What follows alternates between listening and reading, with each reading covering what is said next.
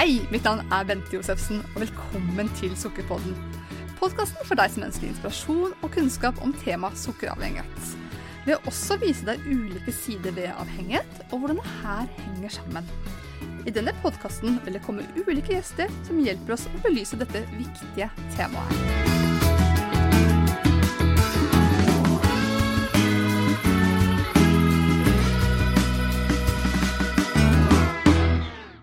Med meg i dag så har jeg Bjørn Helge Hoffmann fra Norsk Tipping, fagsjef ansvarlig for spillvirksomhet. Velkommen til podkasten vår, Bjørn Helge. Så hyggelig at du ble med. Takk. Hyggelig å være her.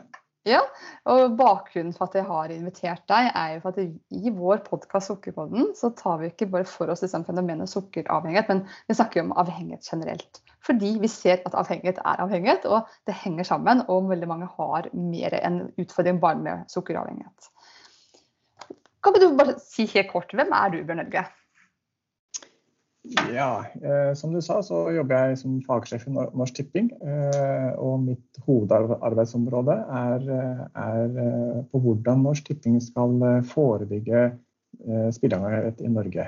Altså hvordan vi, hvordan vi, følger opp spillene våre for å sikre oss at flest mulig har kun glede og underholdning med spillene, og færrest mulig utvikler en uheldig spilleatferd. Ja. En viktig rolle. Ja. Det er det, og det skal vi jo det skal vi komme til. Men hvor, hvor mange i Norge anses det som at det har en reell avhengighet til, eh, til vet du det? Det beste tallet vi har på det, er vel fra den eh, befolkningsundersøkelsen som Universitetet i Bergen eh, har gjort. Den ble presentert nå i våres i mai på omfang av, av pengespillproblemer i Norge. Og Ifølge den da, så er det det man kaller problemspillere, så er det 55 000 eh, personer i Norge. Ja. Eh, eller sagt på andre ord er det, er det ja, ca. 1,4% av, de som, av befolkningen. Så sier de også at eh, det er 122 000 det som kalles eh, såkalt moderat risikospillere, eller spillere som, som er i fare for å bli problemspillere. Så i sum utgjør disse to gruppene 177 000 eh, personer. Ja. Men en ting, som, en ting, som, er viktig å huske på når man snakker om de 55 000 personene som eh, er problemspillere, så er det også viktig å tenke på at eh, det sies at i snitt så er det en fem til ti personer rundt hver enkelt problemspiller som blir, blir alvorlig berørt. Det er nær familie og venner og kolleger. Så det betyr at det er ganske mange Eh, personer i Norge som på et eller annet vis er berørt av disse spilleavhengige. Det er klart. Det, jeg tenker at Én ting er jo det som er åpenbart, og som kanskje flest, folk flest kan forstå. Det er den økonomiske konsekvensen av det her. Men det er jo også noe med hvordan altså alle som har en eller annen uh, avhengighet, uh, det påvirker hvordan de fungerer i sitt dagligliv. Det er det du mm. mynter på nå. Mm. Ja, og, og, når det gjelder eh, pengespill og pengespillavhengighet, så er det nok også eh, mye forbundet mye med skam eh, med det. Og eh, ofte så de som, eh, de som opplever det, de eh, ofte så gjør de ting som de ønsker å skjule fra nære venner og familie. Det at de bruker bort for mye penger. Noen kanskje låner penger de ikke skulle gjort, eller tar penger de ikke skulle hatt. Så det er mye mange negative effekter som kan eh, fort, eh, fort komme av en behandlinger. Mm. Og det er jo egentlig til felles for alle typer avhengighet. Du sa to stykker nå. Det ene er det at man skjuler for omgivelsene. Man gjemmer og smyger, og det er et varsko i seg. Altså Har man behov for å gjemme og smyge, om det er inntak av alkohol eller spill eller hva det måtte være, så er det, da bør det gå en liten varselbelle. Og det andre er det med skam. Det går også igjen selv uansett hva man mm. har utviklet avhengighet til, så er det en stor skam forbundet med det. Mm. Mm. Det er det virkelig. Men hvordan, det, hvordan kan dere i Norsk Tipping da fange opp om noen eh, altså Hvordan fanger dere opp disse problemspillerne som du beskriver? Det er et godt spørsmål. Det, er, eh, det, kan være litt komplisert å forklare. Men eh, i Norsk Tipping så har vi jo siden alle hos Norsk Tipping må spille det vi kaller identifisert, da, at, at, du spiller registrert, dvs. Si litt tilsvarende som når folk bruker nettbanken, så må de identifisere seg, eller faktisk identifisere at de er den de hevder å være. Eh, og gjennom en slik ID så har vi en sterk kobling til, eh, til eh, mellom person og eh, forbruk av spill, som gjør at det er mulig for oss eh, å, å, å, følge spillerne. Jeg, pleier å av og til trekke en liten sånn sammenheng mellom oss og Vinmonopolet. Ja. Eh, hvor, hvor jeg pleier å si OK, spørre folk hva er den største likheten og hva er den største forskjellen på oss. Og det gjelder den største likheten, så er det det jeg gjerne vil ha fram til, er at uh, vi begge har en enerett eller et monopol i Norge på et produkt, og begge har et type produkt som de aller fleste eh, opplever glede og med, mens det er noen som utvikler problemer, og det er all risiko for at man kan utvikle problemer med de produktene. Akkurat som pengespill og, og alkohol. Mm. Eh, så, så, pleier jeg også å peke på hva den største forskjellen på uh, Vinmonopolet og Norsk Tipping. Uh, og det er at gjennom nettopp denne, denne ID-en jeg nevnte, så vet Norsk Tipping eksakt uh, hvor mye alle våre spillere drikker, da, sånn, eller hvor mye de spiller. Mm. og det å ha den kunnskapen kombinert med vårt oppdrag, som er å forebygge spilleavhengighet, gir oss et ansvar. Ja. Og det var da til, hvordan, til spørsmålet om hvordan vi oppdager det, så er det jo slik at uh,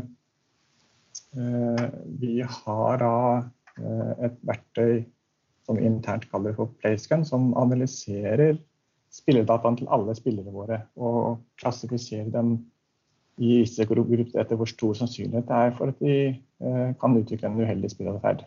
Ja. Sånn enkelt, enkelt, sagt så kaller vi de for grønne og gule og røde spillere. Eh, og da følger vi inn på utviklingen eh, ganske mye på det. Eh, og gjennom det også da kan se om det er noen som utvikler en uheldig atferd. Mm. Det høres jo veldig bra ut. og jeg tenker at uh, Der har dere jo virkelig en fordel i og med at dere, må logge inn og dere vet hvem disse spillerne er. Jeg tenker at uh, Tenk om vi kunne hatt tilsvarende mulighet for de som handlet på polet. Pip! Det er seriøst sukker i målgruppe! ja, det kunne, det kunne vært spennende å prøve å overføre en del av de tiltakene vi har. Vi har f.eks. Uh, grenser for hvor mye du kan spille for. Hvis det er tilsvarende sånn grenser for hvor mye du kan kjøpe osv. Det kunne vært uh, kunne vært, uh, hatt, hatt nok sine pussige utslag. Ja. Absolutt. Men da kommer kanskje litt det der med personopplysninger og Datatilsynet inn også. Det, jeg tenker at det er veldig ikke bare bare heller egentlig å få lov til å sette i gang et sånt type system, så det må jo ha vært en lang prosess? Ja. Vi har eh, som sagt eh, Norsk Tipping har jo et oppdrag som er forankret i pengespilloven på at vi skal forebygge spilleproblemer i Norge. Uh, og Allting vi gjør, er jo avklart både med myndigheter og med datatilsyn. At det blir gjort riktig i henhold til personvern osv. Mm. Men det er jo slik at vi har jo en plikt til å forebygge overfor alle spillere, ikke bare de som samtykker til det. så Derfor er det en del tiltak som, som gjelder alle spillere når de, spiller, når de velger å spille Norsk Tipping. Ja, for det tenkte vi kunne komme litt inn på nå nettopp. det. Hvilke, hvilke forebyggende tiltak har dere? Ja, da tenkte jeg Eh, som jeg nevnte litt innledningsvis, så kan jeg bare si kort om eh, hvorfor vi forebygger eh, spillavhengighet i Norge. Ja, flott. Og det, ja. og det er jo grunnen til at vi har en enerettsmodell i Norge, eller et spillmonopol om du vil. Da. det er at man ønsker å forebygge negative konsekvenser av pengespill. Det er som sagt forankret i pengespilloven. Med andre ord så er samfunnsoppdraget til Norsk Tipping å forebygge spilleproblemer i Norge. Og ikke tjene mest mulig penger til gode formål, som kanskje mange tror at er, er oppdraget vårt. Mm. Det, med, det, med, at eh, overskuddet går til gode formål, er egentlig bare en eh, positiv bieffekt av, eh, av virksomheten vår. Ja. Mm. Den store fordelen med det da, er at det gir Norsk Tipping handlingsrom til det som jeg eh, kanskje liker å, eh, ofte liker å kalle å sette hjertet foran penga. Eh, med det mener jeg at vi, kan, at vi gjør tiltak som har god forebyggende effekt. Eh, men det gjør også at inntektene reduseres. Mm. Men pga. formålet så har vi handlingsrom til å gjøre nettopp det. Så tilbake til spørsmålet ditt, da, eh, med tiltak for å forebygge spilleavhengighet, så er det slik at vi har laget eh, det vi kaller et ansvarlighetsrammeverk rundt alle spillene våre.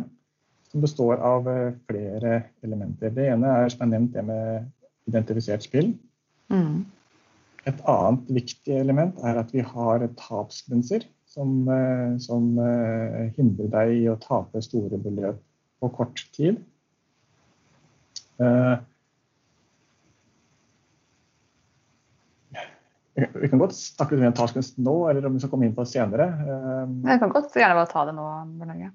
Ja, fordi tapsgrense er et viktig, viktig eh, verktøy vi har. Og da er det eh, to elementer med tapsgrenser som, som, jeg har lyst til å si litt om. Det ene er eh, at vi har det slik at hvis du som kunde som Norsk Tipping ønsker å spille et av de mer risikofylte spillene, ehm, det som vi kaller gule eller røde spill, hvor, hvor gule, grønn, gul og rød sier noe om eh, hvor risikofylt spillet er, eh, så er det slik at da må du som spiller, før du får lov til å spille, sette en grense for hvor mye du mener du kan tape, eh, tape per måned og per dag. Det som er riktig for deg.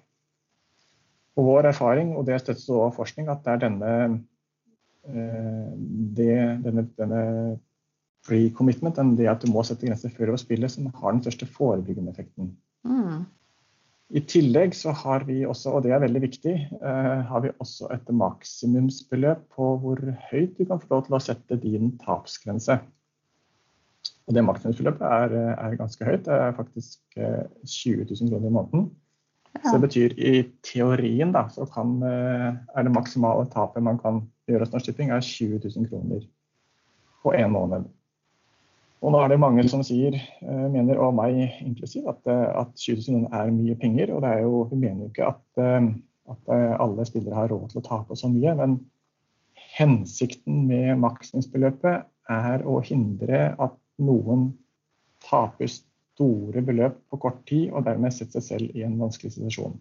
Hvis vi sammenligner f.eks. med eh, tilfeller vi har sett hos eh, utenlandske spillselskap som tilbyr spill eh, til, i, til, Norge, som selv om de ikke har tillatelse til det, så har vi jo eksempler på spillere som har på kort tid har tapt millionbeløp.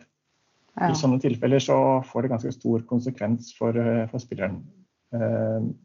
Mens hos oss så er det umulig å tape så store beløp på kort tid gjennom de maksbeløpene på tapsgrensen. Så det kan si det er, det er den viktigste hensikten med maksbeløpet, er å ha minimum eh, beskyttelse for alle spillere. Slik at du ikke kan tape så mye at du ødelegger livet ditt veldig fort. Mm. Videre så er, eh, er det òg slik at vi har eh, delgrenser da, for de mest eh, risikofylte spillene, de mest aggressive spillene. Eh, I Norge så har vi jo en historikk eh, med de gamle automatene som, eh, som tidligere på 2000-tallet skapte store spilleproblemer i Norge. Mm, de automatene som Norsk Tipping erstattet de med, som vi kaller Multix Pelago, har ganske strenge tapsgrenser. F.eks. Multix-terminalene er slik at der er det maksimum eh, kan tape er en grense på 2700 kroner per måned, eller 650 kroner per dag. Eh, en annen delgrense vi har, er det såkalte kasinospill på nett. Kasinospill på nett er de spillene som i dag eh, skaper flest spilleavhengige i Norge. Eh, I praksis kan du si at kasinospill på nett, de mest aggressive spillene, er de hjulspillene som egentlig er de samme spillene som fantes på automatene før i tida. Nå har de flyttet over til nett, og på nett og mobil finner du de samme hjulspillene. Hos Norsk Tipping så er det satt en delgrense på disse spillene. Eh, du må selv først sette en grense, og så er det maksimumsbeløpet er på 10 000 kroner i måneden, eller 4000 kroner per dag. Vil det si at man både, altså først kan bruke 20 000 kredittgrense på, på, tipping, og så 10 000 på toppen i disse spillene, eller blir det slått sammen? De blir slått sammen. Det er den ja. grensen du når først. At hvis du eh, 20 000 eh, det er maksimum totalt sett. Ja, ok, flott. Mm. Og, så, får du bare lov til å bruke maks 10 000 av den delen på de aggressive spillene på, eh, som kasinospill. Ja, nettopp. ok. Men jeg vil også lyst til å si at uh, selv om maksimumsbeløpet på totalen nesten er 20 000 kroner, så setter den norske spilleren, det norske folket, setter gjennomsnittlig sin grense til 4500 kroner. Okay. Så det er, veldig, veldig, det er, veldig, få som setter grensa si opp til 20 000. Tilsvarende på Instaspill, eh, eh, som vi kaller egentlig eh, med kasinospill på nett, hvor, hvor maksimumsgrensen er 10 000. Der setter spillerne i gjennomsnitt 2200 kroner. Så de aller fleste spillerne gjør fornuftige valg for seg selv når vi ber dem å sette grense. Og da setter de en grense for seg, og den holder de. Så er det sånn typisk eh, spørsmål jeg ofte får, da, eller sånn, en sånn myte, er at ja, men eh, når folk bare når grensa si, så går de og spiller et annet sted. Mm. Eh, det var jo en ting selvfølgelig vi var bekymret for da vi eh, begynte å jobbe med grenser. Så vi har undersøkt dette ganske nøye, både gjennom flere kundeundersøkelser. Eh, og det viser seg da at eh, det bare er en myte. folk som når grensene sine, eh, opplyser at de venter med å spille til til nesten nullsystem. Det er svært få som sier at det går og spiller et, eh, spiller et annet sted. Grunnen til det er at folk i, i all overveiende grad er veldig positive til disse grensene. Ja. Mm. Det er litt sånn ja, Noen ganger sammenligner f.eks. Når, når du skal kjøpe en ny bil. Har du kjøpt en ny bil i det siste? Jeg lyser. Det lyser, ja. Et dårlig eksempel, kanskje. Ja, men hva, hva, slags bil var det, da? En Nissan lys. Ok. Ja, du, har, du, har, du, har, sikkert dine grunner til å, til å, velge den bilen. Noen vil ha en stor bil, andre vil ha en liten bil, noen vil ha rask bil osv. Men, men hadde, hadde, du leaset den bilen eh, hvis den ikke hadde hatt eh, airbag og sikkerhetsbelter og annet eh, ABS-bremser? Nei, det hadde jeg ikke gjort. Nei, Men, Nei. Du, du, har du har ikke planer om å krasje, har du det? Jeg har opplevd bilulykke, så jeg er litt ydmyk, faktisk. ok. Ja, det er, litt, det, er litt den effekten vi prøver å, å, å, tilby grensene på en slik måte at spillerne oppfatter det som en sånn sikkerhetsnett rundt deg. At, eh, og, og, vi ser jo det fra de undersøkelsene vi gjør, at også de spillerne som føler at de ikke trenger grensene, fordi de spiller så lite og har kontroll på spillingen, er positive til at grensene er der, for de sier at noen kan ha behov for dem. Mm. Så er det da at når da kan si, hvis uhellet er ute, så er det et nettverk som beskytter deg og hindrer deg fra å gjøre fra stor skade. Så eh, Nøkkelen til suksess med grenser og en del andre tiltak er å få kundene eh, og spillerne til å forstå at vi gjør det nettopp for deg, for din skyld, for at du skal ha kontroll og oversikt over din spilling. Det er ikke noe eh, vi gjør for å si, overvåke deg eller, eller, passe på deg, men rett og slett eh, for at du skal ha kontroll og oversikt over innspilling. Mm. Men jeg tenker som kunne vært litt spennende å høre litt mer om, Bjørn Helge, så som kanskje flere lurer på. Det er, Du har nevnt litt forskjellige spill, at noen er mer aggressive enn andre. Kan ikke du utdype Hva er det som gjør at noen spill blir mer aggressive og mer avhengighetsskapende? Ja, det, det, er mange ting. Det, er, eh, det som typisk er Eh, av, av de eh, kjennetegnene er jo spill som er hurtige. Eh, at det går kort tid fra du setter innsats til, til du får, får, et utfall. Mm. Igjen da, for å trekke fram kasinospill, eller det som ofte kalles hjulspill. Det vil si sånne hjul, eller Folk har sikkert sett automater eller enarmet dytter sånne hjul går rundt, og så stopper opp, og så på et nivå så har man vunnet eller tapt. Eh, det er en rekke egenskaper i de spillene som, som er designa for å si, eh, få deg til å fortsette å spille spill. Det ene er at, eh, som sa frekvensen, at det går fort. Det andre er det som kalles utbetalingsprosent eller, eller return to player. Dvs. Si, hvor stor del av innsatsen er det som betalt ut tilbake. Og gjennom de spillene har ganske høy utbetalingsprosent. Det, det vil si at du vinner ofte. Mm. Eh, men det gjør at du trigger en mekanisme at du da gjerne vil, vil, vil spille med for å oppleve det på en liten sånn, en sånn eh, vinner, vinnerfølelse. Da. Mm. Så er det også slik at de spillene har, har egentlig gevinster som kalles lost the sky stars wins. Eh, det betyr egentlig at du f.eks. putter på 10 kroner og trykker på spinn, og så vinner du 5 kroner og 70 øre, så blir det feira og blinker for deg som at du har vunnet. Hvis du mm. tenker deg om, så har du egentlig tapt eh, hva blir det, 4 kroner og 30 øre i den runden. Ja. Eh, men du får en sånn følelse for at du Og den stimulerer hjernen din til, å, til at du tror at du vinner og får deg til å, til å spille mer. Så det er en rekke sånne type egenskaper som, som i sum inngår, inngår når vi skal vurdere om et spill, hvor et spill er. Da. Mm. Stemmer. Det er sånn Avhengighetshjerne den er jo ikke noe god på utsatt belønning. Den vil jo ha umiddelbar belønning, så er det det som stimulerer trygge mest. Å levere en lottokupong og få svar om fire dager har jo ikke samme effekt som den umiddelbare som du snakker om her. Mm. Nei.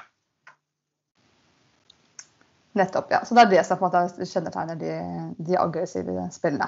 Ja. Mm. Når du spurte om, eh, spurte om, hvordan vi forebygger spillerne, så, eh, så kan jeg òg nevne at vi har um, andre del av det, det vi kalte ansvarlighetsrammeverket vårt. Da, er jo også det som vi kaller for en nei takk-liste. Ja. med det så mener jeg at,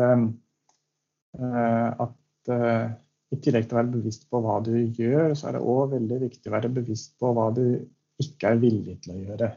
Mm.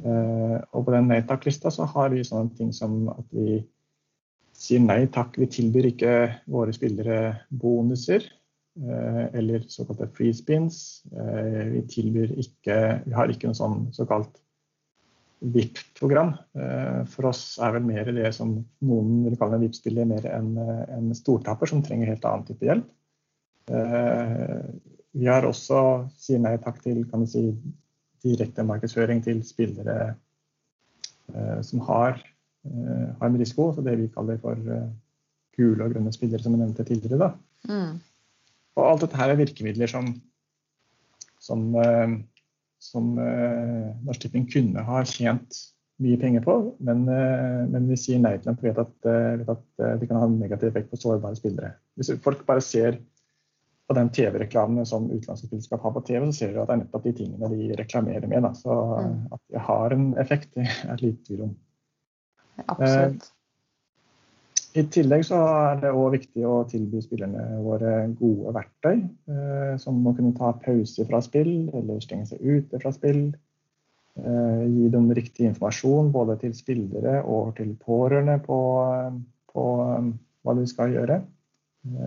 Spillerettregler, som jeg kaller som vi har. Og så har vi har vi òg et tiltak som til syvende og sist som som vi kaller for proaktive samtaler. Det er at eh, Hos Norsk så har vi tre ansatte på fulltid som faktisk eh, ringer spillere som vi mener eh, spiller, eh, spiller for mye eller taper mye. Ja. Ja. Mange har sikkert hørt om telefonen fra Hamar og tenker da på, på Lotto-telefonen. eh, Absolutt. Hvem har ikke drømt om det? Men det er faktisk slik at vi tar mange flere av den andre telefonen fra Hamar for å prøve å få spillere til å spille mindre. Ja, nettopp. Hvordan, de, hvordan mottas de telefonene? Veldig godt spørsmål. Eh, da vi begynte med dette her for noen år siden, så var vi jo veldig bekymra for at dette her skulle være noe som skulle provosere spillerne, eller føle at vi, at vi uh, gikk uh, trådte over personvernet i deres privatliv osv. Så vi forberedte oss veldig godt når vi startet den her som en pilot. Men det som, det som faktisk viser seg, um, og dette har vi også gjort forskning på um, men, i alt overveiende så er de spillende kontakter de blir faktisk uh, positive til å bli kontakta, og de, mange av dem er takknemlige. Det virker litt som at uh, mange av dem føler seg sett, uh, og for mange Eh, de gangene vi treffer spillere som, som, eh, som eh, kanskje har et litt problematisk spillerfag, så kan det også være en trigger at de føler at, nå, at det kan være en utløsende årsak til, faktisk, til å gjøre noe. Når plutselig noen, at de har hatt en liten eh, vond følelse i magen, og så plutselig så får en telefon på noen som mm. eh, vil snakke med dem, og så kan det utløse det. Så når vi, når vi spør eh, disse her, spør, hvis vi blir oppringt på hvor, hva de synes, så, så svarer aller fleste at de er positive til det og er takknemlige for telefonen. Ja, og faktisk, faktisk er det også slik at eh, nesten i seks av ti tilfeller så kan vi hjelpe dem med med tiltak som f.eks. at vi kan låse grensen til et ganske lavt beløp, så de får redusert spillinga si. Ja. Så dette er et tiltak som, som vi ser virker og er viktig, viktig hos oss. Men hvor mange slike telefoner tar dere? Hva dere måler på dag, uke, år? Nei, Det er et godt spørsmål. for eh, Det har også vi diskutert eh, selv. Da, hvordan, hvordan, hvordan måle her. fordi da, da, kommer det opp i eh, dilemma mellom, mellom, eh, kvalitet og, og kvantitet. Da. Ja. For det er slik at Noen samtaler kan ta fem minutter, men andre samtaler kan ta en halvtime. Avhengig av, avhengig av situasjonen. Det er klart. Mm. Eh, men i sånn, eh, sånn, snitt så ligger vi på gjøres vel ca. 1500 til 2000 i året av, denne, av disse samtalene. Ja, ok. Ja. Mm. Uh, ja. Det er, det er jo en del. Ja, vi har som sagt tre personer som jobber fulltid med disse samtalene. Ja. Og i den delen av jobben så inngår det selvfølgelig også forberedelser til samtalene og, og etterarbeid av samtalene. Men har dere da noen samarbeidspartnere som dere kan sende det videre til, hvis dere er noen som ønsker og trenger mer hjelp? Ja, vi, vi, vi, eh, når det er behov for det, så, eh, så henviser de både til eh, hjelpelinjen og til eventuelt fastlege og andre ting. Men da er det slik at vår, rolle, vår viktigste rolle da, i samtalen er egentlig en bevisstgjøring av, av, eh, av kundene og kunne legge rette til motivasjon for å endre atferd. Det er ikke slik at eh, vår jobb er Vi er ikke eh, det er ikke vi som kan stille en diagnose eller eh, behandle dem. Da må du ta kontakt med helsevesenet for å ha gjort det. Og det henvis, hjelper jo med henviser dem til det. da. Nettopp. Mm. Det er klart. Altså, dere, jeg vil jo tippe dere bruker sånn screeningverktøy som vi snakker om, også, sånn, som sannsynliggjør at det er et problem, å selvfølgelig ikke stille en diagnose. Ja. ja. Mm. Så, så, det at, eh, som jeg nevnte, den, eh, det verktøyet vi har når vi analyserer spillene våre, så sier det bare noe om risikoen eller sannsynligheten for at en spiller kan, kan ha et spilleproblem. Eh, det er ikke en diagnose på det. Nei. Stemmer. Men det har jo kommet et uh, nytt diagnosesystem nå for spilleavhengighet. Så det Games, jeg kan det er noe dere Norsk Tipping har vært borti? Uh, ja, vi kjenner til det, men som sagt, uh, vi er ikke utdannet for å stille diagnoser. Det er det er helsevesenet som gjør, så det overlater vi til dem. Men vi har et godt samarbeid med dem. Ja. Vår rolle er Vi prøver å fokusere på den forebyggende delen. Forebyggende delen altså er som, hvordan kan vi utøve vår virksomhet på en slik måte at eh, flest mulig har eh, glede og spenning ved pengespill, og at det er færrest mulig som utvikler spilleproblemer. Så det er mm. en, eh, vi jobber mye med, med forskning og, og, kunnskap og finne ut hva som har best forebyggende effekt. Ja. Men for de som kommer dit at de blir spilleavhengige, så er det, er det type hjelp, annen type hjelp de trenger enn det som Norsk Tipping kan tilby. Da. er det mer behandling og, og helsehjelp som kan hjelpe dem. Ja, vi, kan, vi, kan, vi, kan, bistå med å, med å, begrense skadene ved å eh, enten sperre dem ut fra spill eller, eller eh, lave grenser osv. Men eh, behandlingen må helsevesenet eller profesjonelle eh, folk gjøre. da. Men kan dere pålegge noen å sette lavere grense enn den maksgrensen, eller hvordan er det? Nå er, eh, nå er de, I de pro-samtalene så foregår det her en samtale med spilleren. Så det er, eh, det er Man motiverer spilleren selv til å, til å bli enige å gjøre slike tiltak. Så det er sånn, etter en dialog med spilleren så blir vi enige om at jo, for deg så setter vi nå grensa ned til f.eks. maks 1000 kroner i måneden. Mm. Ja, men det høres det høres bra ut. Eh, men jeg har jo hørt uh, historier sant, om utenlandske spillselskaper som premierer jo uh, storspillere med å gi dem gratis spill, og noen blir sponset reiser osv. Hva tenker du om den type virksomhet? Vel, personlig syns jeg det er skikkelig dårlig gjort. Uh, mm. og, og, jeg skjønner ikke at jeg har samvittighet til å gjøre det. For det som du nevnte som kalte storspillere, er som oftest egentlig stortapere. Som, eh, som heller trenger hjelp til å spille mindre eller slutte å spille. Mm. Eh, enn, enn å bli stimulert til å spille mer. Men jeg antar at de selskapene som gjør det, gjør det fordi de vet at de tjener store penger på disse. Men jeg personlig syns det er dårlig gjort, for her er det gjerne spillere som er, er i en sårbar situasjon. Og ja, jeg syns det er litt avslørende for de selskapene som gjør det her, da, at de helt tatt gjør det. Mm. Eh, dette ville ikke, eh, det vil ikke Norsk Tipping ha gjort. Norsk Tipping gjør ikke slike ting. Nei. Og klart at En del av de selskapene bruker også en del profilerte mennesker til å promotere det her også. Ja. Mm det er ikke, dette er ikke helt problemfritt, for å si det forsiktig. Så, men jeg tenker at dere sitter jo i en litt sånn spesiell situasjon da, Bjørn Helge, med tanke på at dere tilbyr noe som det samtidig også vet skaper problemer for enkelte. Så det er jo noe etikk i dette her, da. Hva tenker du om det? Ja, det, det er helt rett. Ehm, det er en, det er en balans, vanskelig balansegang. Ehm, og eh, det oppdraget vi har om å forebygge spillere i Norge, det må også ta hensyn til at det finnes noen utenlandske spillselskap som tilbyr, eh, tilbyr spill retta mot, uh, mot uh, nordmenn, selv om de ikke har tillatelse til det fra norske myndigheter. Mm. Så den, den, vanskelige balansen med Norsk Tipping er å finne ut den kombinasjonen av å tilby pengespill som gjør at de som har lyst til å spille pengespill i Norge, finner de spillene hos Norsk Tipping og spiller dem der i et trygt og ansvarlig rammeverk.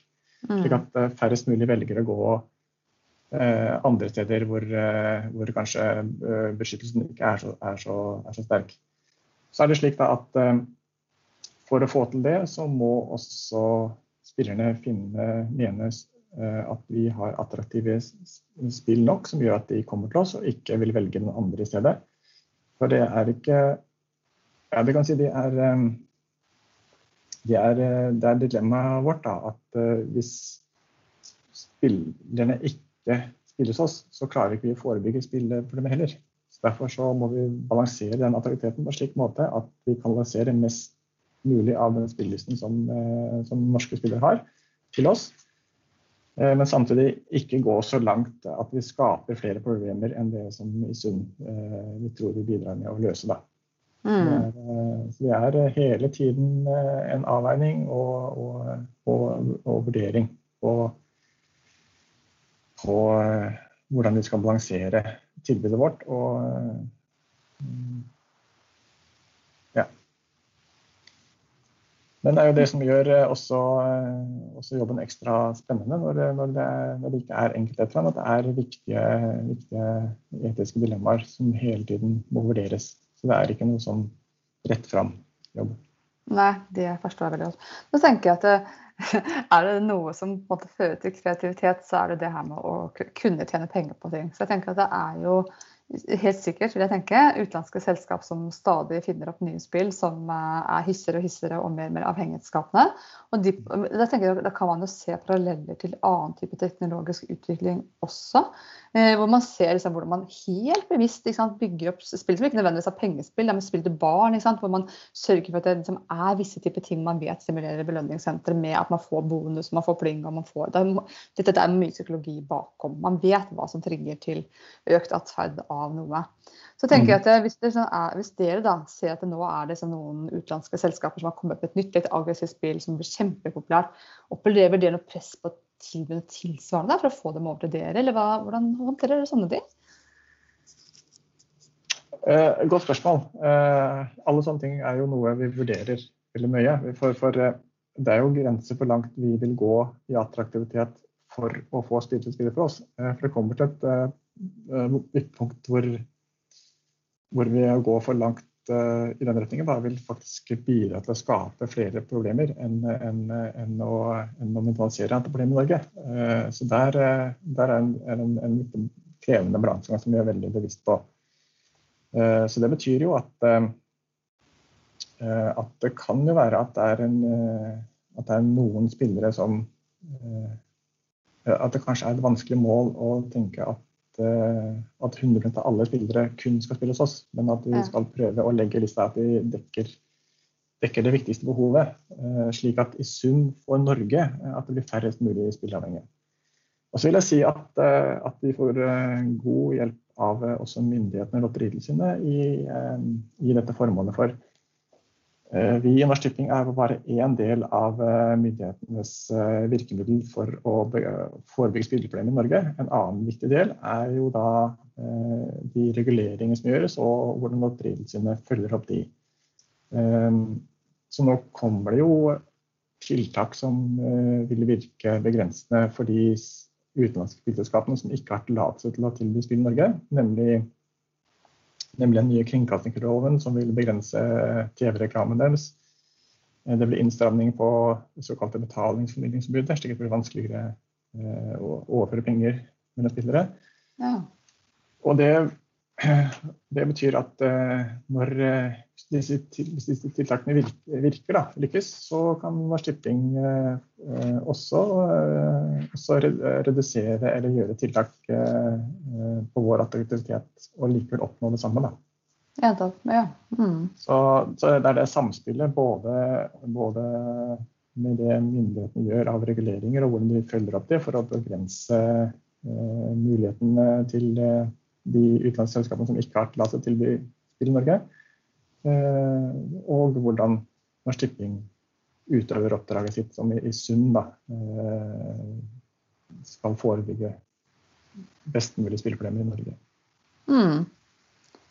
Da tenker jeg Dere har jo her skjønt en egen, dere har, jo, har en egen avdeling som har, er ansvarlig for dette med å forebygge spilleavhengighet. Men hvor, måte, hvor, stort fokus er det på en måte i hele organisasjonen deres? Altså, er det noe som står høyt liksom, på agendaen til hver tid? Ja, ja, det vil jeg si. Det står veldig høyt. Det er sånn, jeg vil nesten si at, uh, at dette er noe som sitter i ryggraden til de som uh, jobber i Norsk Tipping. Det er nemlig slik at Eh, det med ansvarlig spillvirksomhet handler eh, eh, En måte å si det på det handler egentlig om at vi i Norsk Tipping skal kunne gjøre jobben vår på sånn måte at vi kan være stolte av den og sove godt om natta. For det er jo ingen i Norsk Tipping som vil skape de triste, tragiske skjebner som de som blir spilleavhengige opplever. Vi ønsker at færrest mulig skal gjøre det. Så Derfor så er si, alle i Norsk Tipping opptatt av at vi gjør jobben vår på sånn måte at vi skaper færrest mulig spilleavhengige.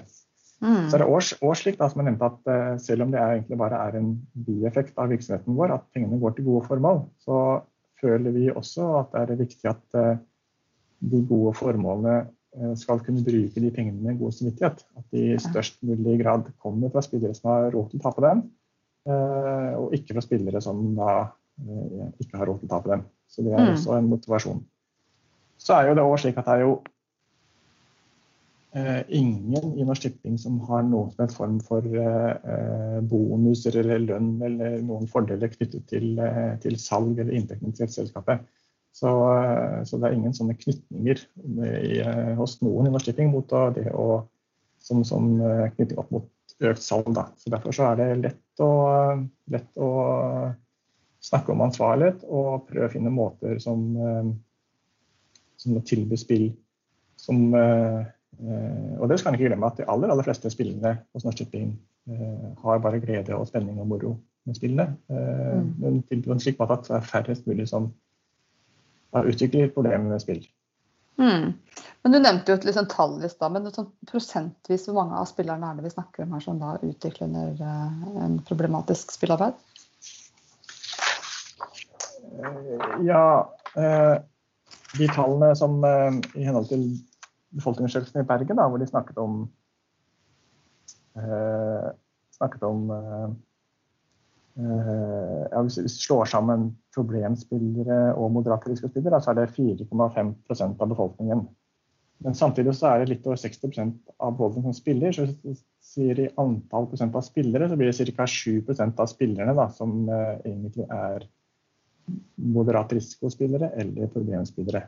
Mm. Sette, noen, sette noen tall på det. Da. Ja, nettopp. Mm, på syv av hundre, ja. Mm.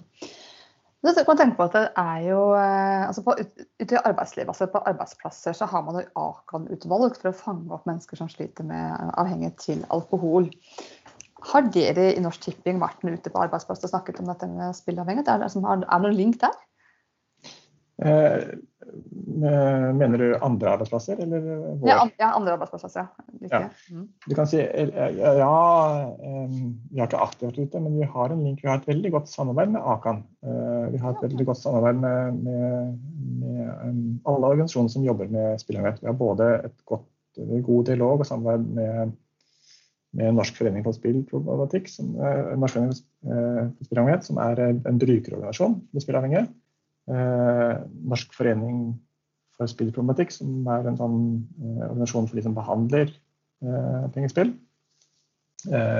og Akan er jo en av de organisasjonene vi har en god dialog og samarbeid med. Og Aktis, da.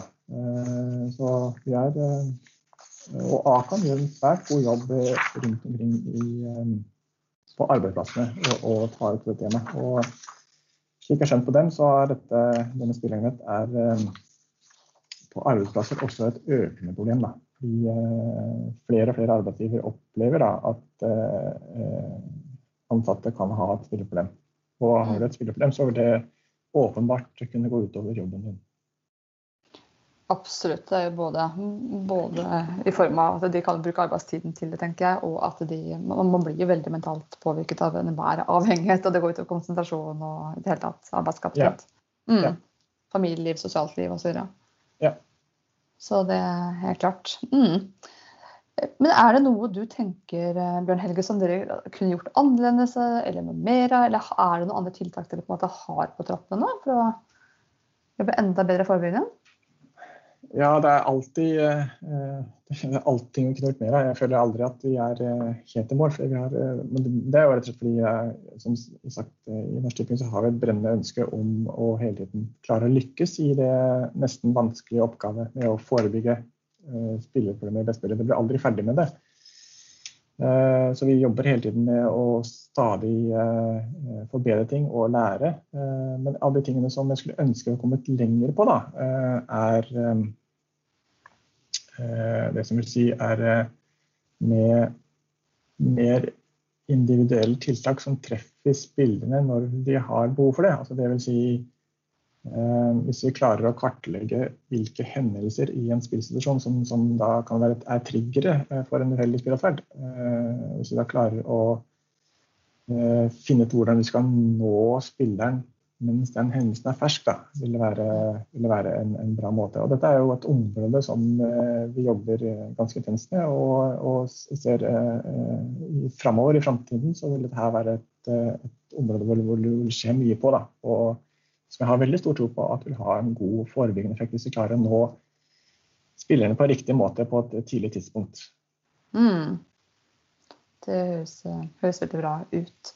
Men jeg tenkte vi skal gå mot denne avrunding, men er det noe, du har lyst til å legge til før vi avslutter? Eh, nei, egentlig ikke. Jeg syns det er veldig spennende det du tar opp, eller det du peker på, at det ofte er sammenheng mellom eh, avhengigheter. Og det skulle jeg ønske kanskje at eh, vi som jobber med spilling, skulle ønske, gjerne skulle sett at det var litt mer eh, forskning på eh, korrelasjonen mellom avhengigheter. For det også kunne for mitt inntrykk er at, eh, at når det gjelder forskning, så ser man ofte på én type avhengighet av gangen. Mm. Eh, jeg tror det kan være noe å lære i å se på litt sammenhenger, og, og kanskje få kunnskap om, eh, om, hva som kommer som følge av hva. Da. At det mm. kan være kunnskap der som kan bidra til at vi også kan eh, gjøre, gjøre vår forebygging bedre. Det mm. syns jeg er et spennende område som du løfter fram. Absolutt. Og jeg brenner jo veldig nettopp for å få ut kunnskap om det her. Både folk flest, mannen på gata, men også liksom, på politisk plan. At man får opp bevisstheten på at avhengighet henger sammen. For sånn som det er i dag, så behandles man jo for én og én ting. Altså, avruses, man, avruses man for alkohol eller man går til behandling for spilleavhengighet, da er det mm. det man jobber med, selv om man mm. egentlig har eh, et større problem. Og Da, sånn, ja, da må du gå til videre neste. ikke sant? Så det å se at noen kan jobbe helhetlig med det, for avhengighet er avhengighet. Mm. Eh, og, og i, ja, I vårt selskap Friskhet så snakker vi om helheten, og av og til må vi selvfølgelig sende folk videre, for vi er ikke spesialister på alt, men vi mm. fanger opp og vi, vi, snakker om det og bevisstgjør folk. Og noen ting kan vi mm. hjelpe med, og noen ting må vi sende det videre med. Så det, jeg tenker at det er utrolig viktig bevissthet å ha at eh, jeg, tror vi hadde vært utrolig tjent med at alle som jobber avhengig av burde hatt kontakt på en måte, og så kunne samarbeide og snakke sammen og forstått at vi driver med samme sak. Absolutt. Absolutt. Ja. Og, og, særlig for um, vårt område når det gjelder spillinga, så er det ofte en det kan være en sterk korrelasjon også mot alkohol. Da. Uh, og da er det vanskelig å vite hva som trigger hva. Så mer kunnskap om, om, om dette helhetlige eller sammenkoblingen har vært veldig nyttig. Mm. Jeg nevnte litt for deg i stad at jeg sitter og skriver på en bok som kommer ut eh, på Gyldendal eh, i januar 2021. Så jeg får, jeg får sende igjen til Norsk Tipping. ja, det blir spennende. Det er spennende. For den tar jo for seg avhengighet som, som den store biten det faktisk er. Ja. Mm. Men du har jo vært litt innom hvor man kan få hjelp. Men jeg tenker det kan være fint å avslutte med det. Sånn, hvis noen opplever at de har et problem med spill, eller er usikker på om de har det, hvor kan de ta kontakt på en helge? Eh, det er, oh ja, oh, det er, flere steder. Har, uh, for det første så har du Hjelpelinjen som man kan ringe inn til. Et godt sted å starte. Det er også slik at fastlegen skal være et punkt hvor du kan ta opp dette og skal kunne sende deg videre. Så er det òg Spillavhengighet Norge, som er en sånn frivillig brukerorganisasjon for spillere og pårørende, som er veldig flinke til å ta imot slike henvendelser. Så finnes det også noen eh, lavterskeltilbud på nettet eh, som Korus eh, Øst har utarbeidet. Ja. Men typisk ring Hjelpelinjen eller ta kontakt med fastlege eller, eller ta kontakt med Spillavhengighet Norge, så er det gode, gode steder å begynne. Okay. Ja, men det er supert. Men da tenker jeg at vi runder av med det. Så tusen takk for at du stilte opp i Sukkerpodden. Det setter jeg stor pris på. Jeg tror det kan være til stor inspirasjon og ikke minst en viktig altså, viktig informasjon du har delt her i dag. Det var veldig hyggelig å være med her. Ja, supert. Takk skal du ha. Takk.